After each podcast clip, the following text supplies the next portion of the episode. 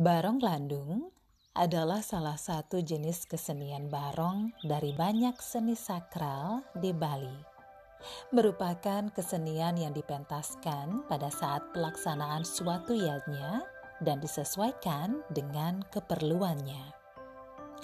Pementasan seni sakral ini sangat disucikan dan dikeramatkan oleh masyarakat Bali dengan tujuan terciptanya dan tetap terjaganya keharmonisan alam semesta.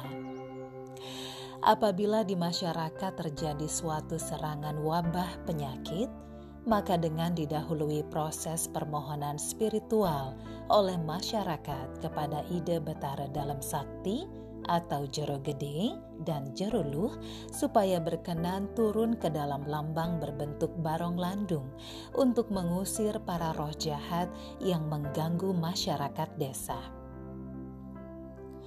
Setelah dilaksanakan permohonan, maka barong landung diarak keliling kampung dan menari di depan setiap pintu gerbang pekarangan rumah atau lawangan yang satu ke lawangan rumah yang lain. Karena itulah maka prosesi ini disebut dengan ngelawang. Biasanya dilakukan cukup lama, sampai beberapa hari untuk dapat memenuhi seluruh permohonan warga desa atau mencapai seluruh lawangan rumah penduduk desa.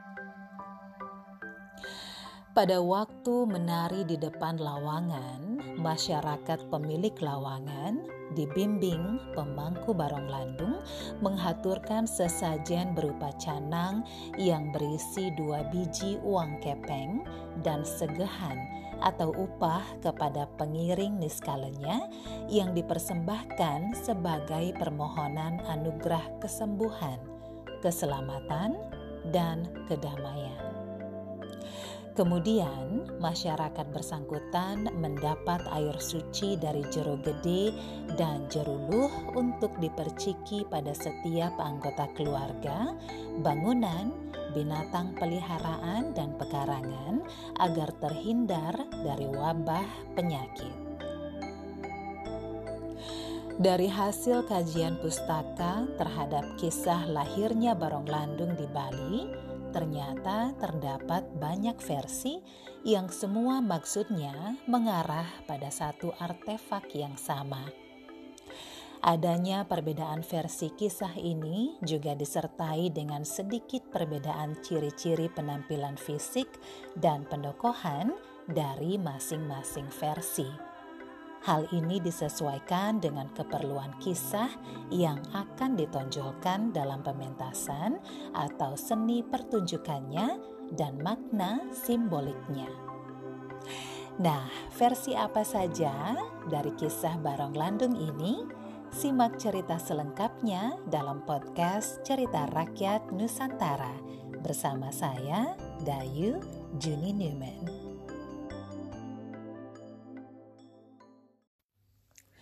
Barong Landung dikisahkan dalam banyak versi. Salah satunya adalah dari gegitan geguritan dalam balingkang yang dikenal luas di Bali saat ini.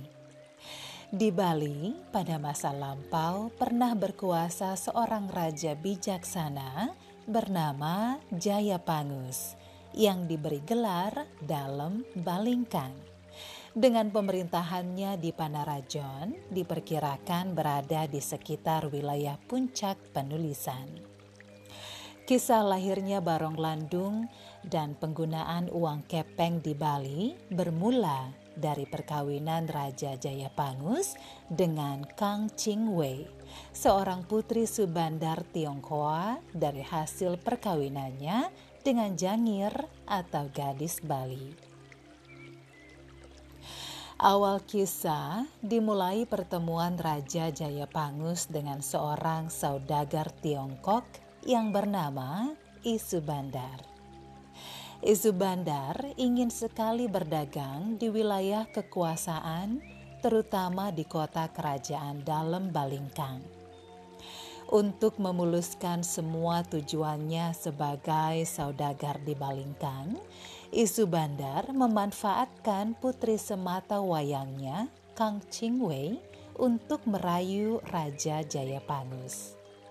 Raja pun jatuh cinta dengan Kang Ching Wei dan ingin menjadikannya sebagai permaisuri kedua. Keinginan raja tidak mendapat restu dari banyak pihak, terutama dari ketua penasehat raja, yaitu Empu Siwagandu. Alasannya karena raja sudah mempunyai permaisuri yang cantik jelita dan bijaksana. Tetapi karena raja telah terpikat dengan Kang Ching Wei, akhirnya beliau memutuskan sendiri untuk menikahi putri saudagar Tiongkok tersebut. Pada saat upacara pernikahan, Isu Bandar memberi Kang Ching Wei dua biji uang kepeng sebagai simbol bekal mengabdi kepada raja. Selanjutnya, setiap tahun Isu Bandar selalu mengirim uang kepeng ke kerajaan Balingkang untuk membangun perekonomian rakyat Bali.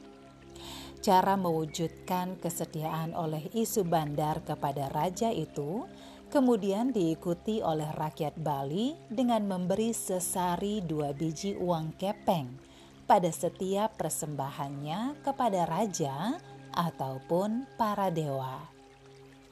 Sementara itu, Empu Siwagandu tidak merestui pernikahan itu karena berdasarkan penglihatan batinnya Pernikahan itu diperkirakan akan dapat mendatangkan bencana di kerajaan dan akan membuat kepercayaan rakyat terhadap raja memudar. Kekecewaan penasehat kerajaan ini diikuti dengan keluarnya Empu Siwagandu dari Balingkang menuju suatu tempat untuk melakukan tapa berata, memohon turunnya hujan lebat selama satu bulan tujuh hari atau empat puluh dua hari agar kerajaan hancur diserang banjir. Permohonan Empu Siwagandu pun terkabul. Beberapa bulan setelah selesai perayaan upacara pernikahan besar Raja Balingkang, turunlah hujan lebat terus-menerus, diikuti angin puting beliung yang merobohkan pohon dan segala bangunan. Hujan juga disertai gemuruh bersahutan serta petir yang menyambar, menyebabkan hancurnya kerajaan Balingkang diterjang air bah dan longsor yang menelan banyak korban jiwa, yaitu rakyat dan pembesar kerajaan serta harta benda yang tidak terhitung nilainya. Akhirnya yang tersisa hanya pemerajaan atau tempat persembahyangan kerajaan yang sekarang disebut Pura Puncak Panarajon atau Puncak Penulisan. Raja dan permaisurinya selamat dan dengan para pembesar kerajaan dan rakyat yang masih selamat, beliau memerintahkan segera pindah ke tempat yang lebih aman untuk membangun istana baru. Tempat yang dituju adalah lembah yang cukup aman secara geografis dan tanahnya subur yang bernama Jongles. Sekarang termasuk ke dalam wilayah Banjar Paketan, Desa Pinggan, Kecamatan Kintamani, Bangli dan bekas kerajaan barunya ini sekarang dikenal dengan sebutan Pura Dalem Balingkang. Kemudian dikisahkan pasangan suami istri ini telah lama tidak mendapatkan keturunan. Akhirnya Raja Jayapangus atas restu Kang Chingwei memutuskan berangkat ke Gunung Batur melakukan yoga semadi untuk memohon keturunan kepada Batara Batur. Dalam perjalanannya, Raja Jayapangus bertemu putri cantik jelita di sebuah gua yang merupakan alam skalanya Dewi Danu, putri dari Batara Batur. Versi lain ada yang menyebut Dewi Danu adalah Sri Danda Dewi, putri dari Empu atau Bagawan Daksa yang juga sedang melakukan yoga samadhi di sebuah goa di lereng bukit tepi Danau Batur. Raja terpikat dengan kecantikan Dewi Danu dan memutuskan untuk menikahinya. Raja Jayapangus mengaku sebagai perjaka agar Dewi Danu mau menikah dengannya. Dan lahirlah putra beliau yang diberi nama Maya Danawa, yang berarti putra Dewi Danu. Kebohongan Raja Jayapangus akhirnya terbongkar saat Kang Chingwei mencari suaminya yang telah lama pergi ke Gunung Batur tetapi tak kunjung pulang. Kang Wei diiringi oleh para pembesar kerajaan dan rakyatnya. Diceritakan, Kang Wei menemukan suaminya dan raja pun tanpa sadar memanggilnya dengan kata istriku. Tanpa sengaja, percakapan itu didengar oleh Dewi Danu yang menyebabkan ia murka karena merasa tertipu oleh Raja Jayapangus. Akhirnya tanpa bisa dikendalikan dengan kekuatan sakti yang pernah dianugerahkan oleh ayahnya Batara Batur, Dewi Danu membakar tubuh Raja Jayapangus dan Kang Chingwei sampai hangus. Para pembesar kerajaan dan rakyat kerajaan Balingkang menjadi berduka karena menyaksikan raja dan permaisurinya telah berubah menjadi arang.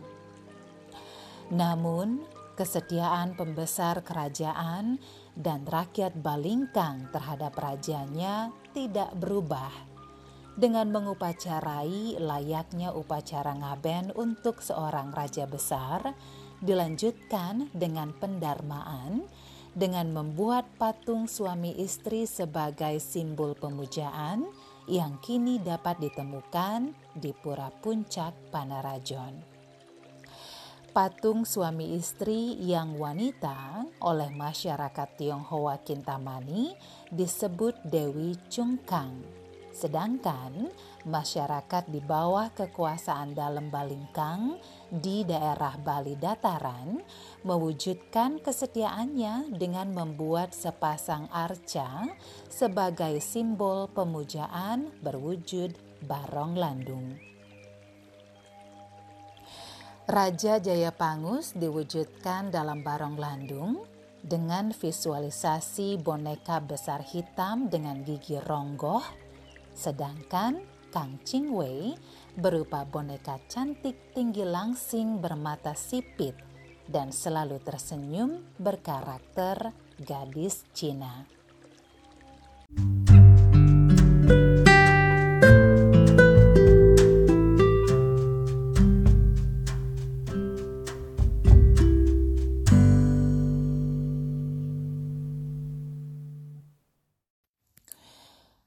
Landung sebagai simbol akulturasi kebudayaan peradaban Bali dan Cina tetap dihormati dan dilestarikan sampai saat ini dalam bentuk lanang wadon atau laki perempuan yang merupakan replika dari Raja Srijaya Pangus dan permaisurinya sebagai pengaruh kebudayaan Cina pada Bali kuno yang secara tuturan dan bukti tertulis dalam Babat Bali.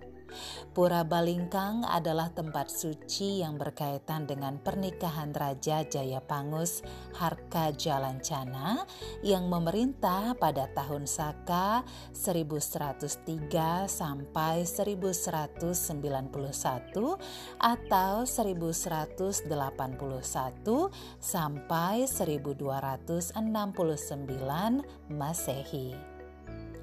Dalam versi lain juga dikisahkan karena ketidaksetiaan Raja Jayapangus terhadap istrinya Kang Wei, dan caci maki Kang Wei kepada Dewi Danu akhirnya membuat Dewi Danu mengutuk mereka menjadi patung.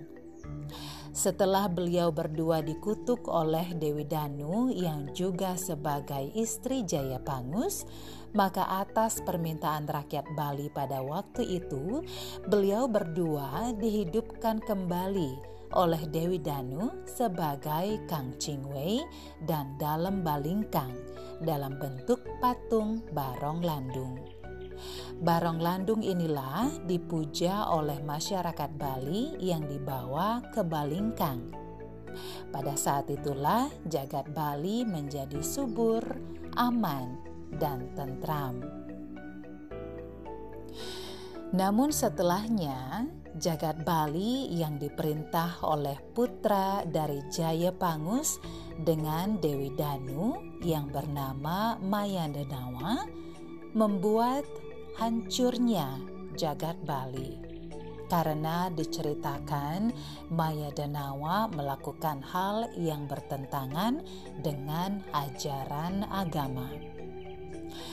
Pada akhirnya, Sang Yang Indralah yang mengalahkan Maya Danawa dalam peperangan dan pada hari itu ditetapkan sebagai Hari Raya Galungan yaitu dasar peringatan akan kemenangan Dharma atau kebaikan melawan adharma atau kejahatan. Untuk lebih lengkapnya mengenai Hari Raya Galungan ini, Anda bisa simak dalam podcast saya berikutnya. Nah, sekian cerita tentang Barong Landung dan untuk beberapa versi lainnya saya akan bagikan untuk Anda dalam kesempatan berikutnya. Terima kasih sudah menyimak podcast Cerita Rakyat Nusantara kali ini. Saya Dayu Juni Newman. Kita bertemu kembali di lain kesempatan. Sampai jumpa.